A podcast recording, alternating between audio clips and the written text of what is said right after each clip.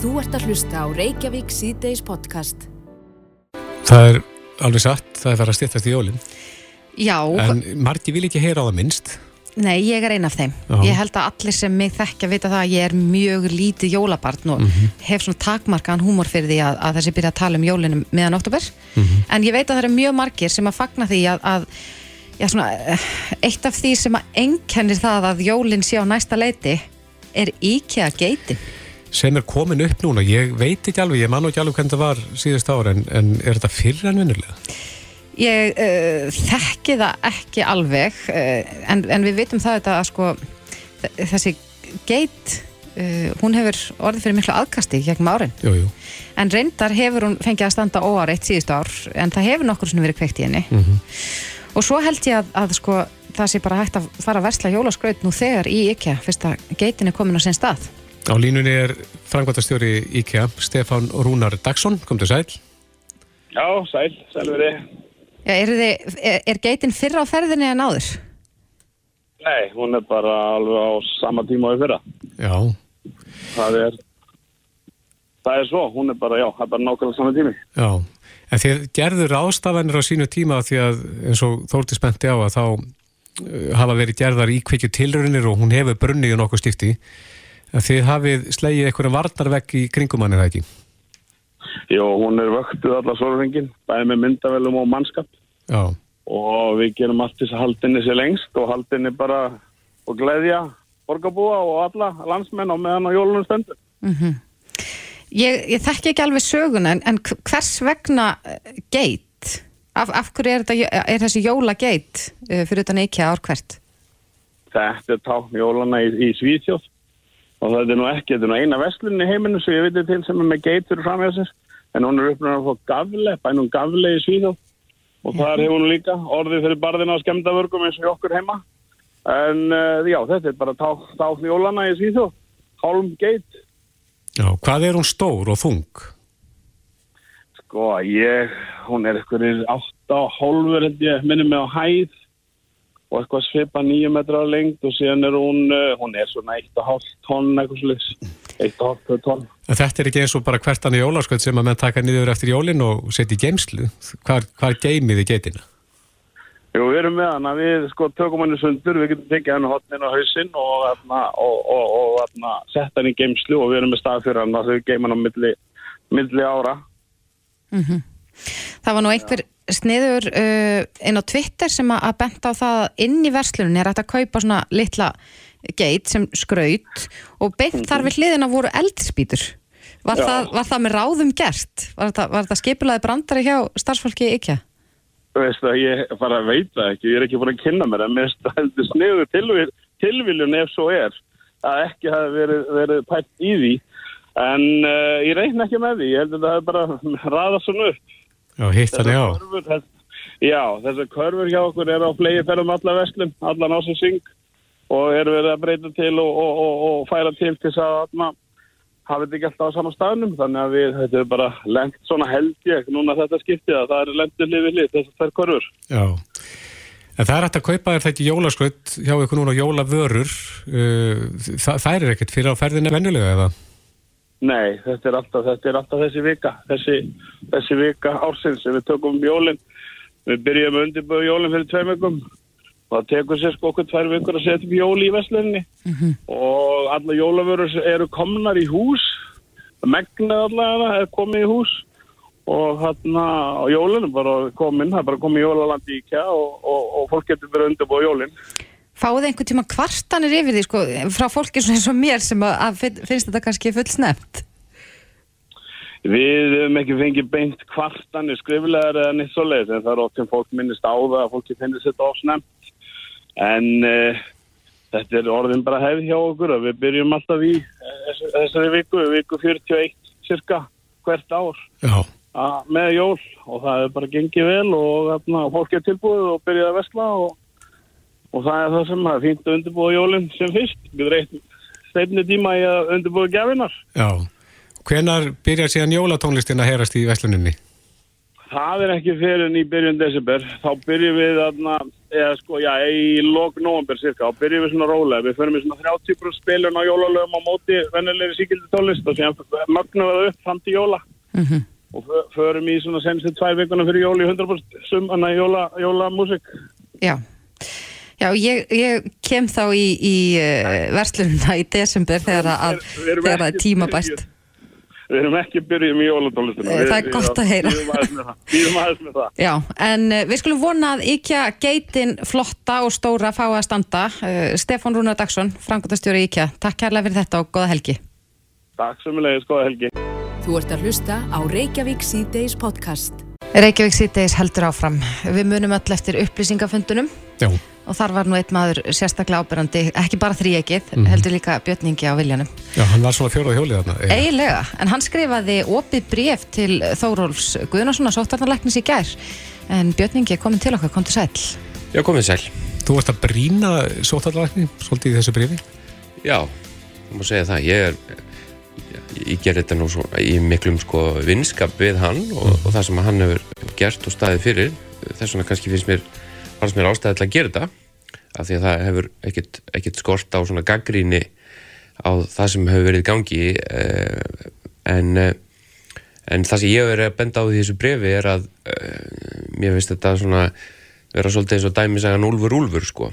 Að ef að við stöndum ekki við það sem við sögðum að herða aðgerðir ef ástæðir til og aflétta þeim svo strax aftur að þá getur orðið til þess að fólk hætti að taka marka á þessu verði pyrrað út í uh, sóþvatalækni og helbriðsöföld og, og kerfið almennt og kannski einhvern tíman setna þegar alvöru staða kemur upp sem þeirra bregðast við að þá uh, sé samstæðan rofin sem að þau í þrýekjunu og Þórólur sjálfur hefur uh, svo oft talað um að sé mesta og besta smittvörnin. Það er það sem að ég er að kalla eftir að, að við gerum bara eh, sama og hinn Norrlöndin, Breitland og fleiri sem hafa staðið sér vel, við höfum staðið okkur gríðarlega vel.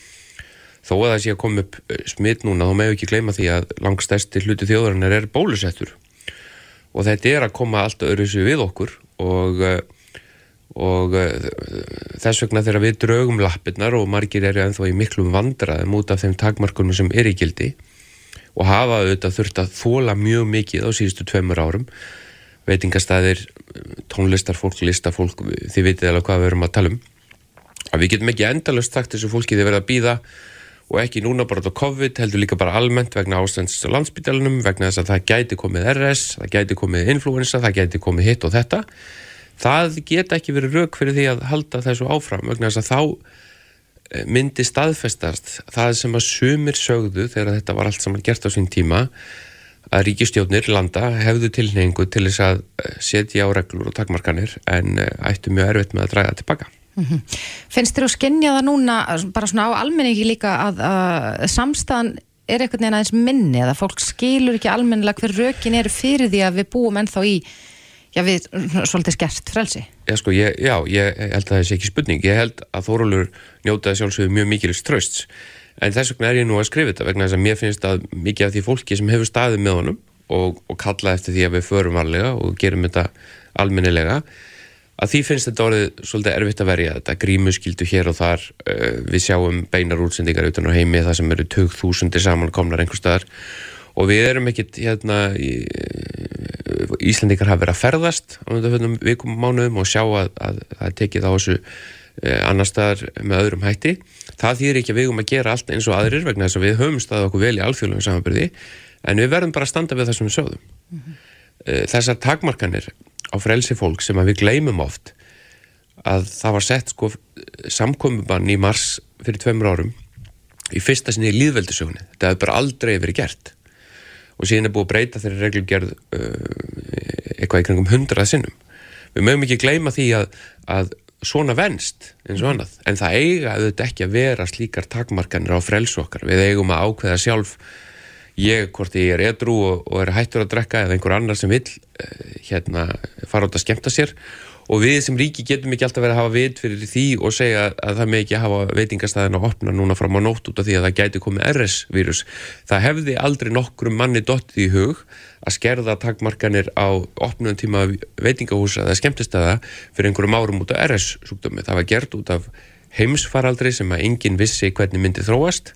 Það voru mjög sérstakar aðstöður það er ekki lengur við, við erum búin að bólusetja alla og við verðum að standa við það sem við sögðum að það sem er sett á sé líka tekið af. Annars treystir almenningur að þess ekki.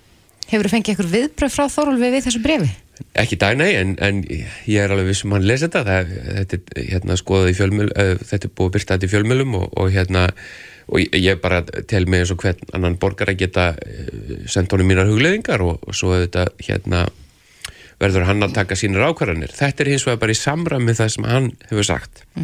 Að það megi ekki vera of harðar harðar takmarkanir þegar þá ekki við til þess að það sé að það bregðast við. Þannig að það kemur svolítið á óvart að hann sé farin núna að tala um RS eða influens og annað og það segir mér að staðan á landsbytalinum er mjög slæm og ég ger ekki lítið úr því. En stjórnmálumennir okkar og stjórnundum þar verða að leysa það. Við gerum það ekki með grímuskildu eða, eða takmörkunum veitingastæði þá, þá, er menn, þá er fólk farið að borga fyrir það sem hefur ekkert með það að gera Það verður að gera það með öðrum hætti. Já, Það var eitthvað sem orðaði það þannig að Þórólu væri svona pínlítið farin að missa salin.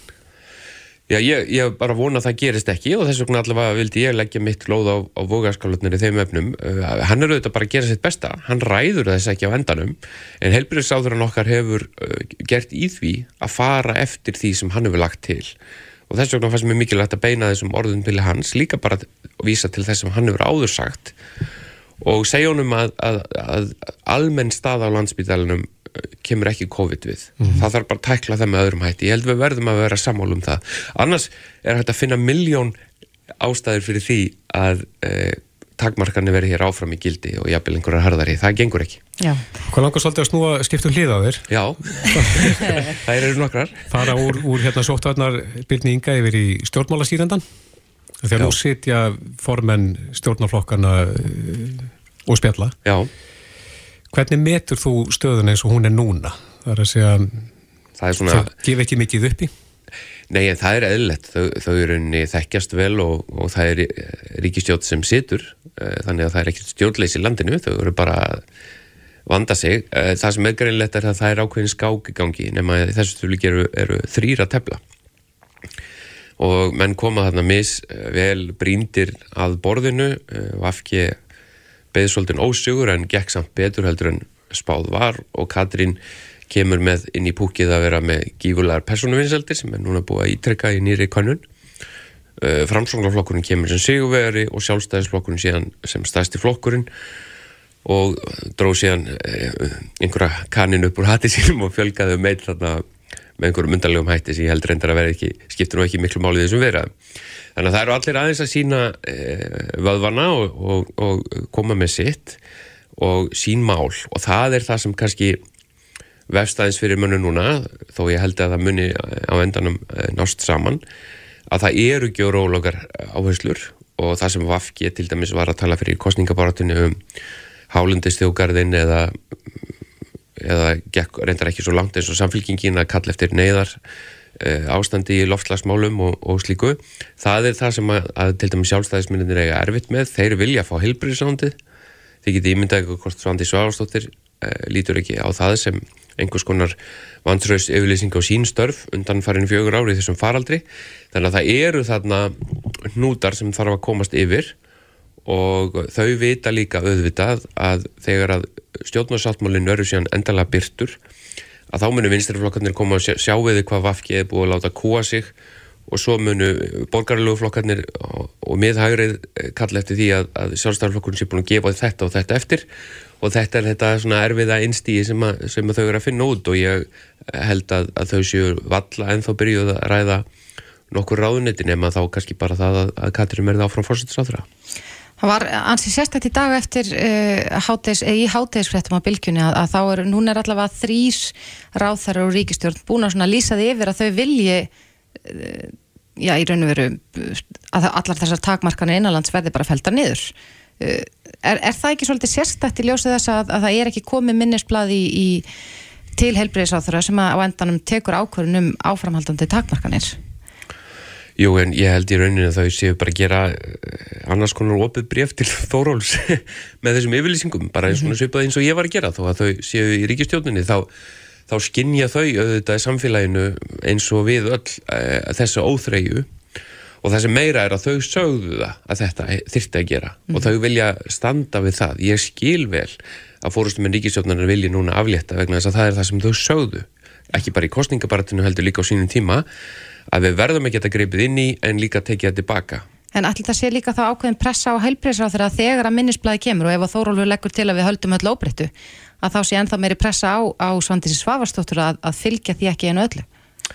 Já, ég held reyndar að ég ætla að spá því að Þórólfur mun ekki leggja til að halda öllu óbreyttu. Ég held að Þórólfur sé gríðarlega velgefin maður og fylgist ágætlega með og hann veit að aðgangur á þjóðasálinni og svona samstaða meðal landsmönnum er mikilvæg og ég held að hann skinnji það alveg að, að það sé ekki gott fyrir hann að leggja fram minnisblad sem ríkistjónin fer svo ekkit eftir eða gerir þveru öfugt mm -hmm. þá gæti að lendi því að missa klefan eins og, eins og eða salin eins og þú vorst að segja Já, Já setjum punktin hérna Björn Ingi Hrafsson, þú ert á leiðin út af bænum eða ekki?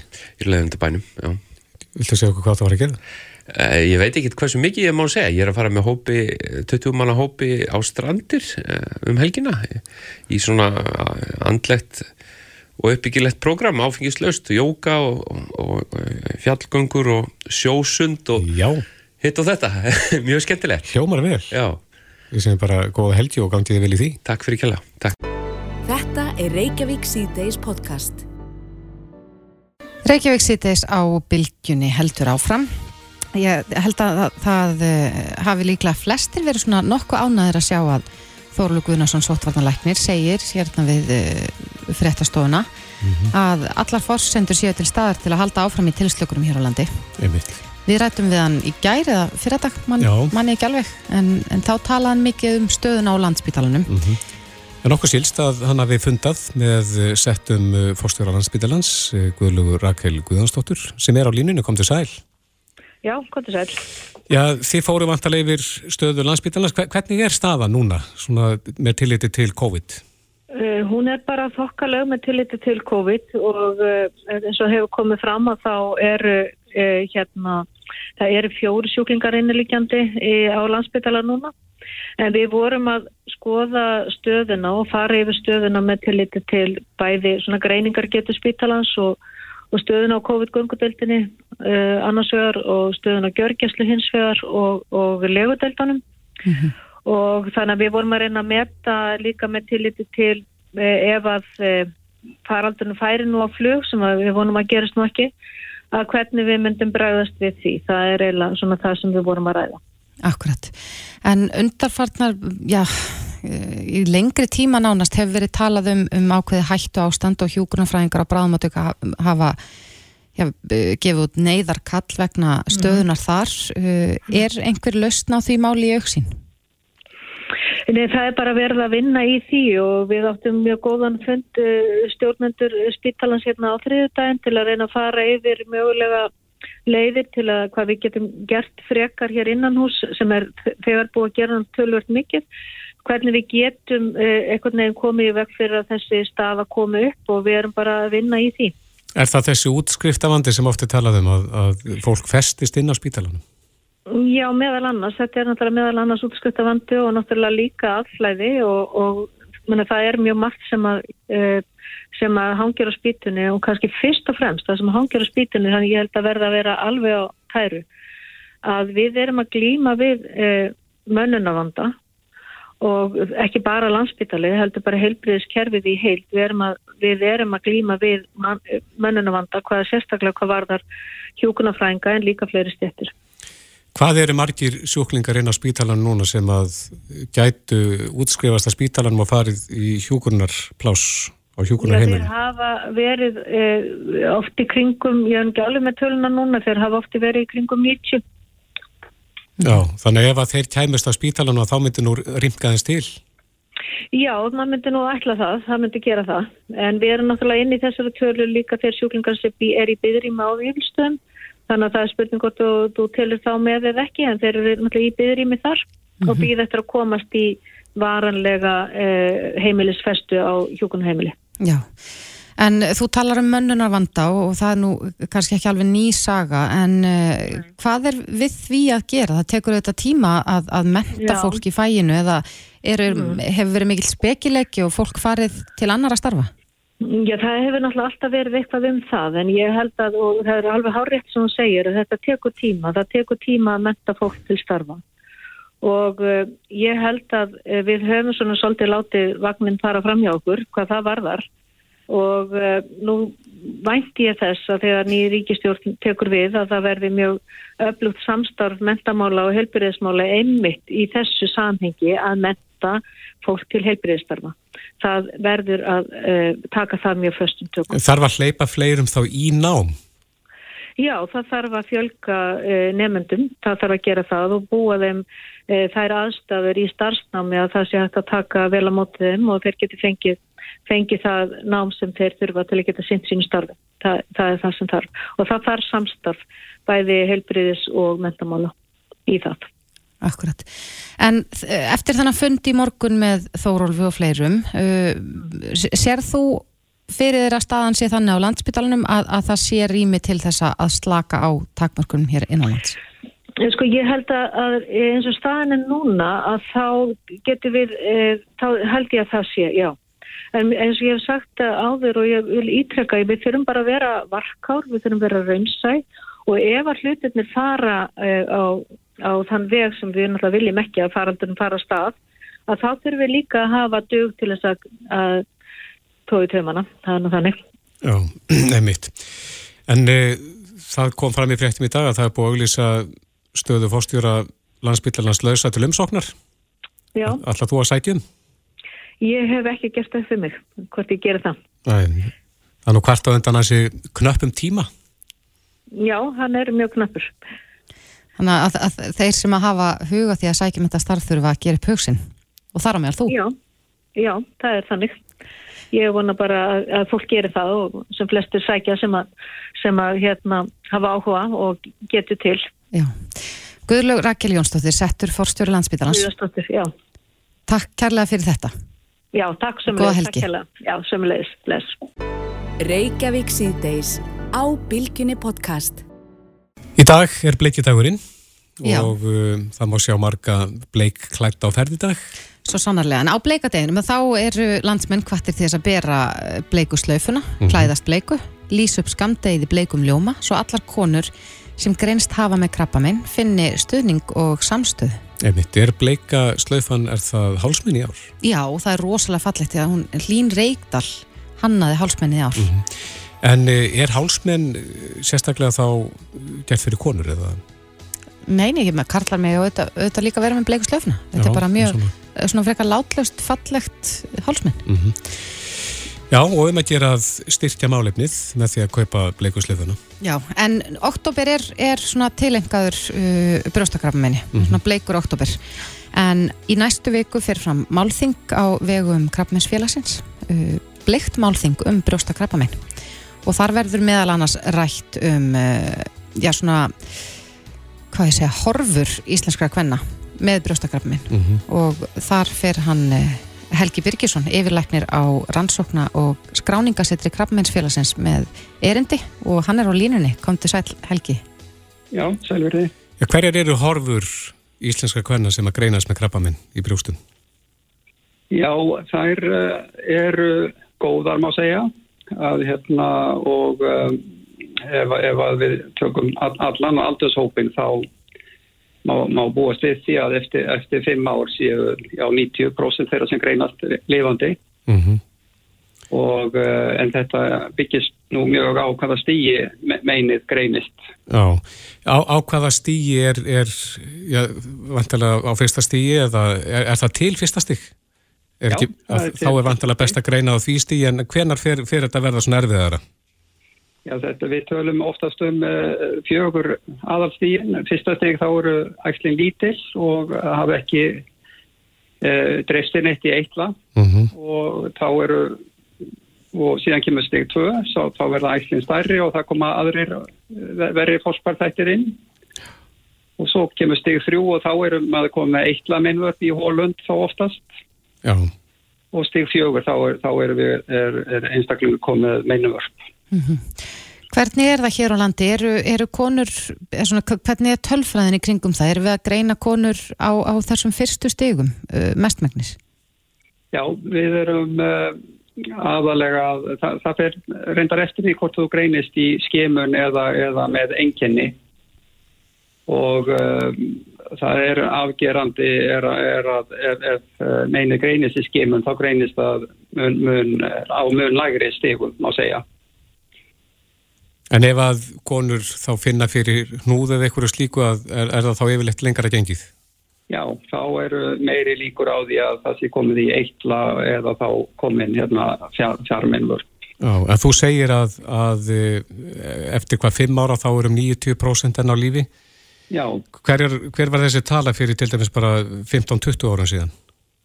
Já, það brjóstakrabbaminnið er þannig, er aldrei ólíkt öðru meinum að, að endurkoman getur komið mjög seint og eh, ef við lítum á tíu ára lifun til dæmis þá er, er eh, já, hlutværslega lifun komið niður í já, svona 70 og 5 til 80% mm -hmm. og mhm. það er það sem við erum að sjá á Íslandi er að eh, að við erum ekki að sjá eins góða bæting hjá hinn á Norðurlandunum í tíu ára lifun mm. við, erum svona að, að við stöndum alltaf í stað má segja meðan mm. hinn Norðurlandin hafa séð bætingur En í þessum góða árangri að því að þessi tala hefur vantilega hækkað á undanvöldum árum þar er þess að hversu margar er á lífi eftir uh, fimm ár.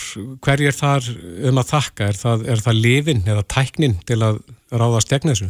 Já, bætingin er aðalega svona síðustu árum uh, tengd betri meðferð, betri livjum og, og uh, já, betri meðferð en hins vegar myndum við vilja sjá fleiri konur greinast í gegnum skimunina. Við vitum það að við erum til dæmis með mjög lægri, lægri mætingu heldur hinn Norðurlöndin. Eh, það, það er um það byrja 80% mæting á hinn Norðurlöndunum en við liggjum já, nær 60-65% mm -hmm. á Íslandi. Á þessu ári hefur auðvitað verið mikið talað um skemunamál en það hafa verið gerðar breytingar eh, á því hér á landi.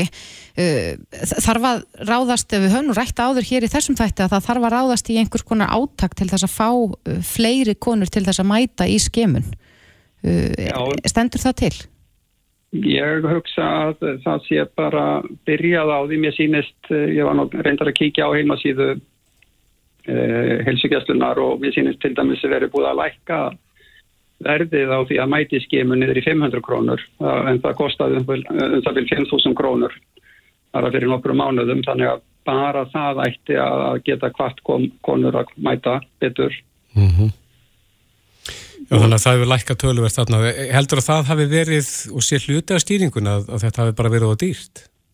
Algjörlega, fyrir til dæmis uh, ungu konunar þá, þá hefur það verið uh, krabbaminsfélagi var til dæmis með tilraun að bjóða greiti niður skimanagjaldið þannig að það var ókipis á, á tímabili og það barnaði mjög mm mætingin bara á, með þeirri breytingu. Á hvaða aldri er, er æskilegt að konu komið í fyrstu skimun? Já, það hefur, við höfum verið að skima á, á samt síum aldrinu 40-69 ára mm -hmm. og uh, síðan uh, meðan önnur Norðurland hafa byrjaðið simtugt eins og staðan er í dag þá er aldurinn 40-74 ára og ég, það er bara eindrið að meðan við erum með þess, þennan aldursók þá ætti, ætti, ætti konur að mæta. Mm -hmm. En er mælt með því fyrir konur á öllum aldri sko, fyrir færtug til dæmis að þreyfa á brjóstunum til þess að e, já, mögulega finna eitthvað ef eitthvað er til staðar? Já, því að það er nú þannig að meinið getur alveg komið þó að það sé komið þýr og það sé sjálfkæft en, en uh, við mælum með því að, þreifi, að konur þreyfi mánadarlega brústinn sín. Eftir hverju eru konur að leita þá?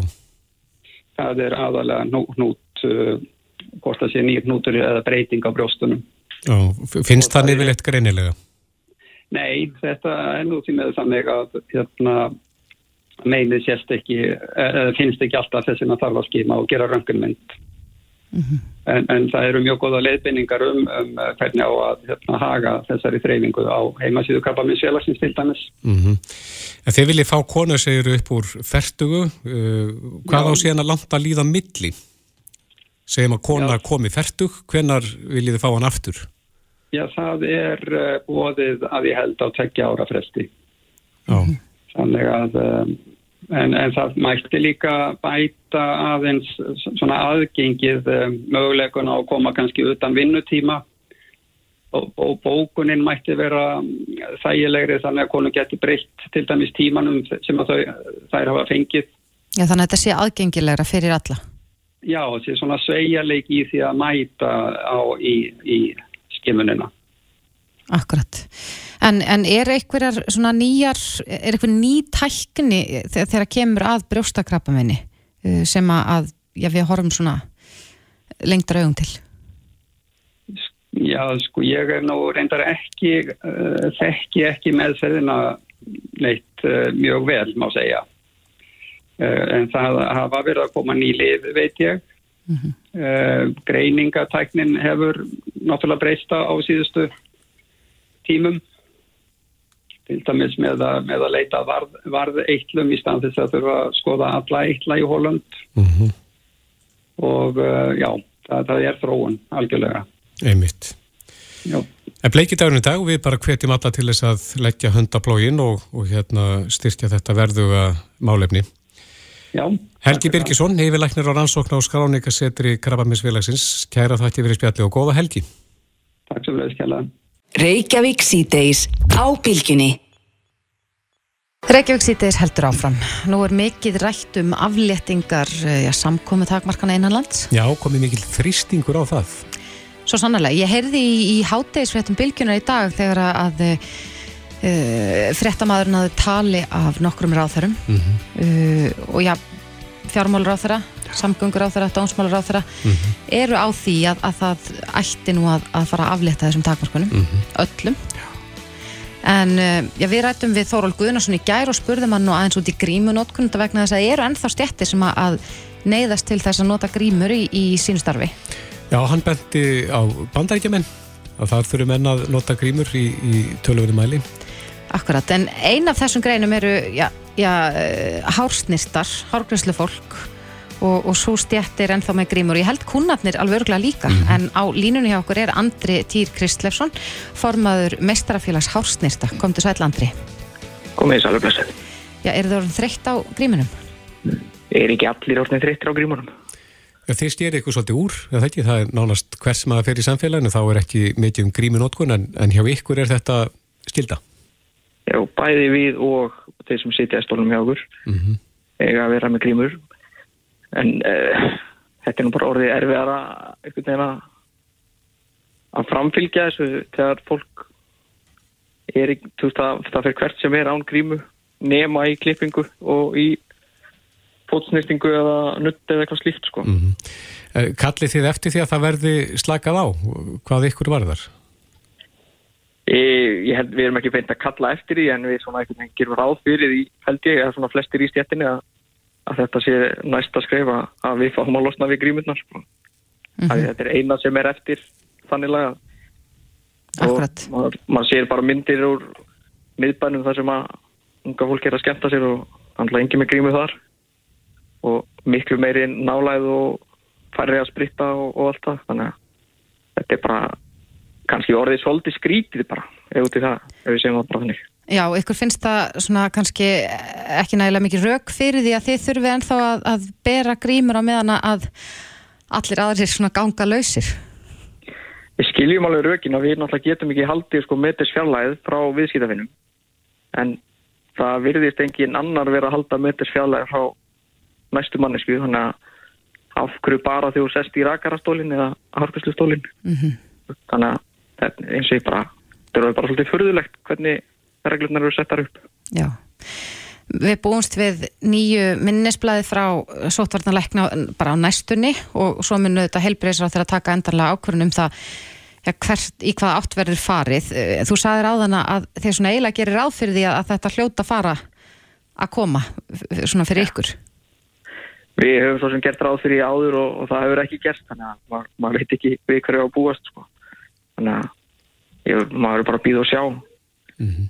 En við, allan að, við reynum að framfylgja þessu eins og við best getum en uh, maður bara finnur pyrring á sumum viðskiptaðunum þegar það er að koma þú veist af hverju þeir þurfa að setja upp grímu þegar þeir setjast í stólun hjá okkur Já, En hvernig hefur ykkur gengið annars í þessum bylgjum? Þið voru náttúrulega uh, ykkar stað sem var stöðuð um, um tíma og, og mörgum þótti nú svona komið tími til þess að að leifa fólki setjast aftur í stólanu hjá okkur. Hvernig hefur gengið síðan að þið fenguð að, að klippa aftur?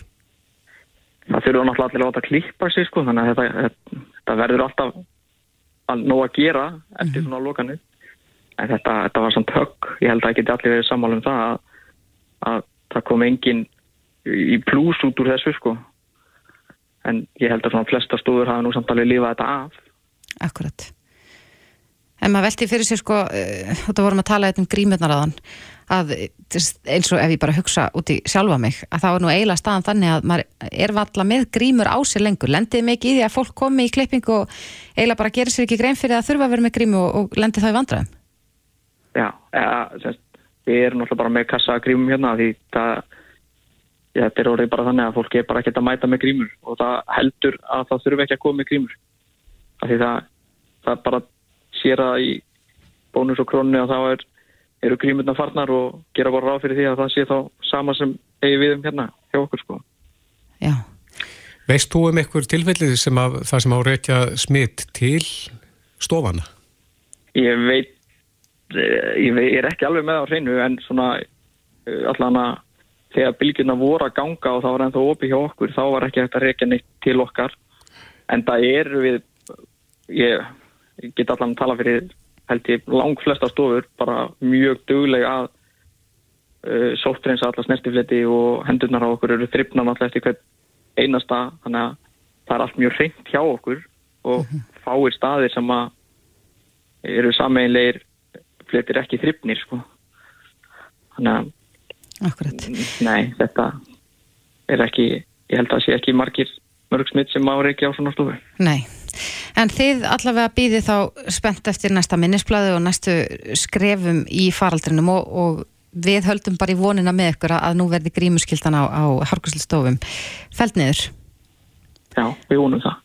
Andri Týr Kristlefsson, formaður meistarafélags Hársnista. Takk kærlega fyrir þetta og goða helgi. Takk svo mjög leiðis. Reykjavík síðdeis á Bilginni podcast. Slísavarnir eru mikilvægar og uh, þá nú svo sem þetta heimfara slísavarnir yfir á marga hluti. Já, mjög marga, en uh, núna stendur slísavarnarfélagi Landsbjörg fyrir ráðstefnum öryggismál og slísavarnir. Uh, ráðstefnum fór fram í dag og verður mm. líka á morgun, en já, það var einn fyrirlestur sem að, að vakti aðtekli mína og okkar, mm -hmm. en það var um rafmaks hlaupahjóli, rafskútur eða Hva, hvað sem þetta heitir. Sem að hafa verið mikið í umræðinu og, og uh, læknar hafa meðal annars blandað sér í umræðinu já og ég held að það sé ég allavega held að það sé nokkuð ljóst að þessi rámaslaupuhjól sé komin til að vera í umferðinu hér en það held að vera að talað um einhverja miljón ferðir sem að Íslandikar hafa farið á svona leiguhjól já, einmitt. En uh, svo sem að stóð fyrir þessum fyrirleistur og hjælt hann í dag á ráðstefnin er Sigrun Guðni Péturstóttir sem er leiðbeinandi stindihjálp meðal annars, kom til sæl Sæl. Já, hver, hver var, hvert var megin inntækið í ræðinu þinni í dag? Herði, þetta var náttúrulega það hópur sem hann langar mest að tala við. Það er allir sem á áhuga á slíðavörnum.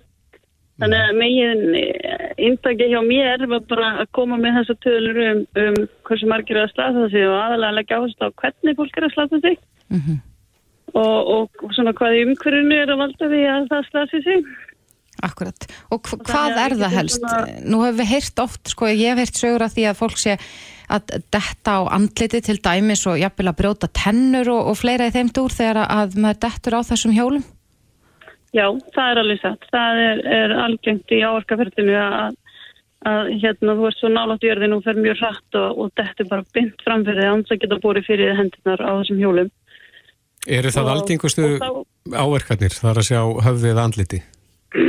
Já, það getur valdið eh, hérna alls konar áhukum, brotnum tennum og, og kjálkabrótum og, og svo bara sárum, bara, það hefur bara áhrif að vera með sár á andlitinu uh, og krampuleraðir, en við erum aðalega í slísaforvöndunum, þannig að þá erum við að spá í hvað getur við gert til að koma í veg fyrir að þetta gerir. Mm -hmm. Og hverju stingur þú upp á?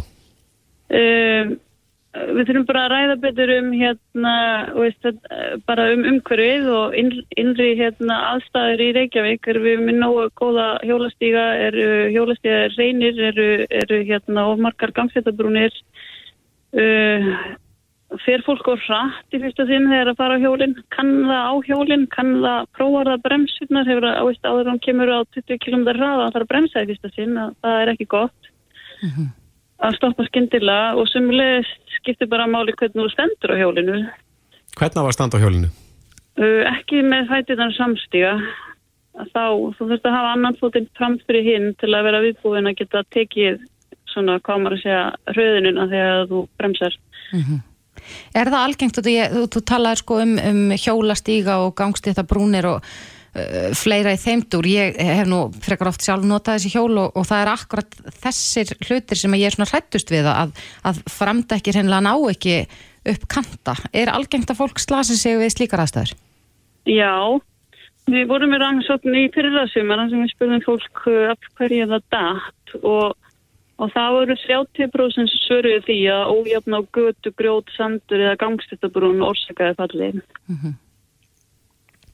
En þú varst með tölfræði yfir þetta líka. Hva, hversu margir er að slasa sig á þessum hjólum?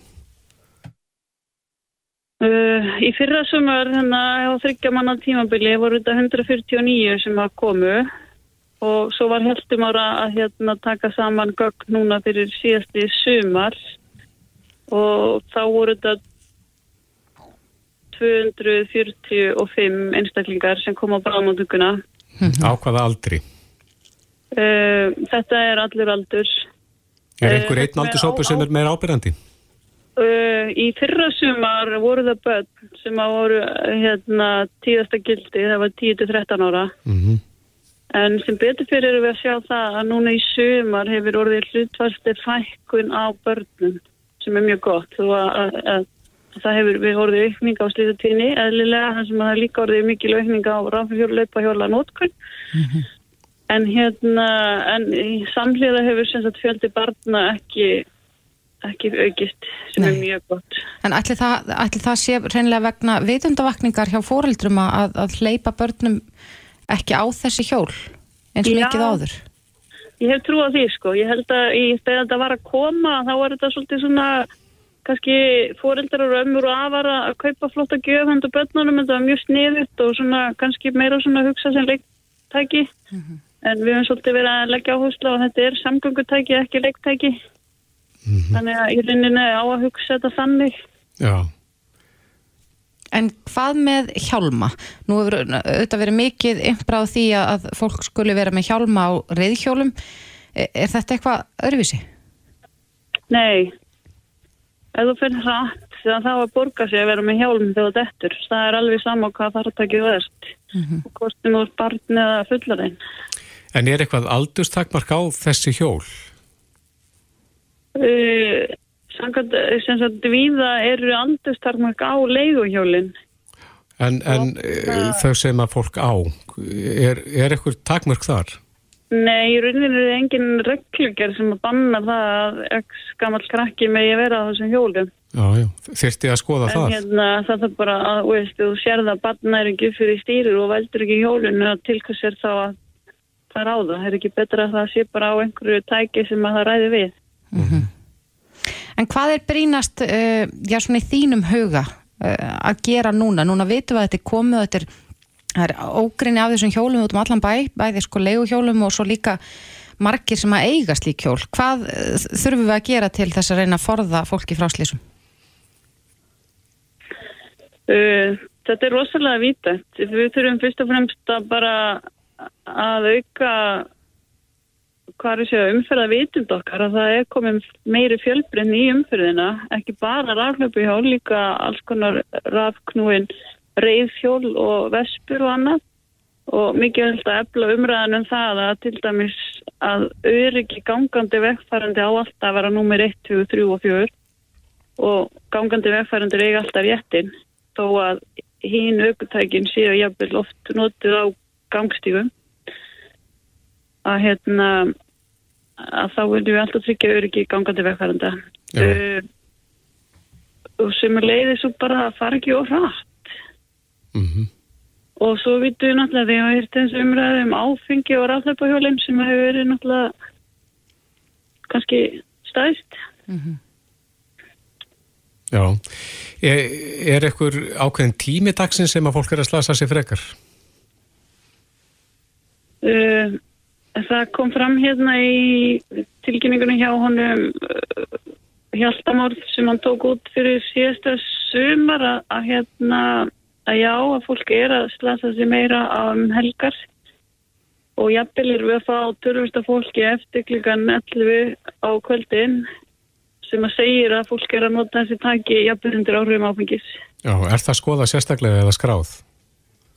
hvort það sé undir áhrifum áfengis? Já, í fyrra sumar, þegar ég gerði rannsóknina í fyrra sumar og þá var fólk reynilega spurst og það kom út að 40% fullorna, þetta eldri en 18 ára, 18 ára eldri sögðu já að þau verið væri undir áhrifum áfengis einmitt. en í, í sumar var þetta ekki sérstaklega tekið út Nei. Þannig að við þurfum svona fyrst og fremst að læra inn á þessi tæki, þau eru svona tiltúlega ný hér.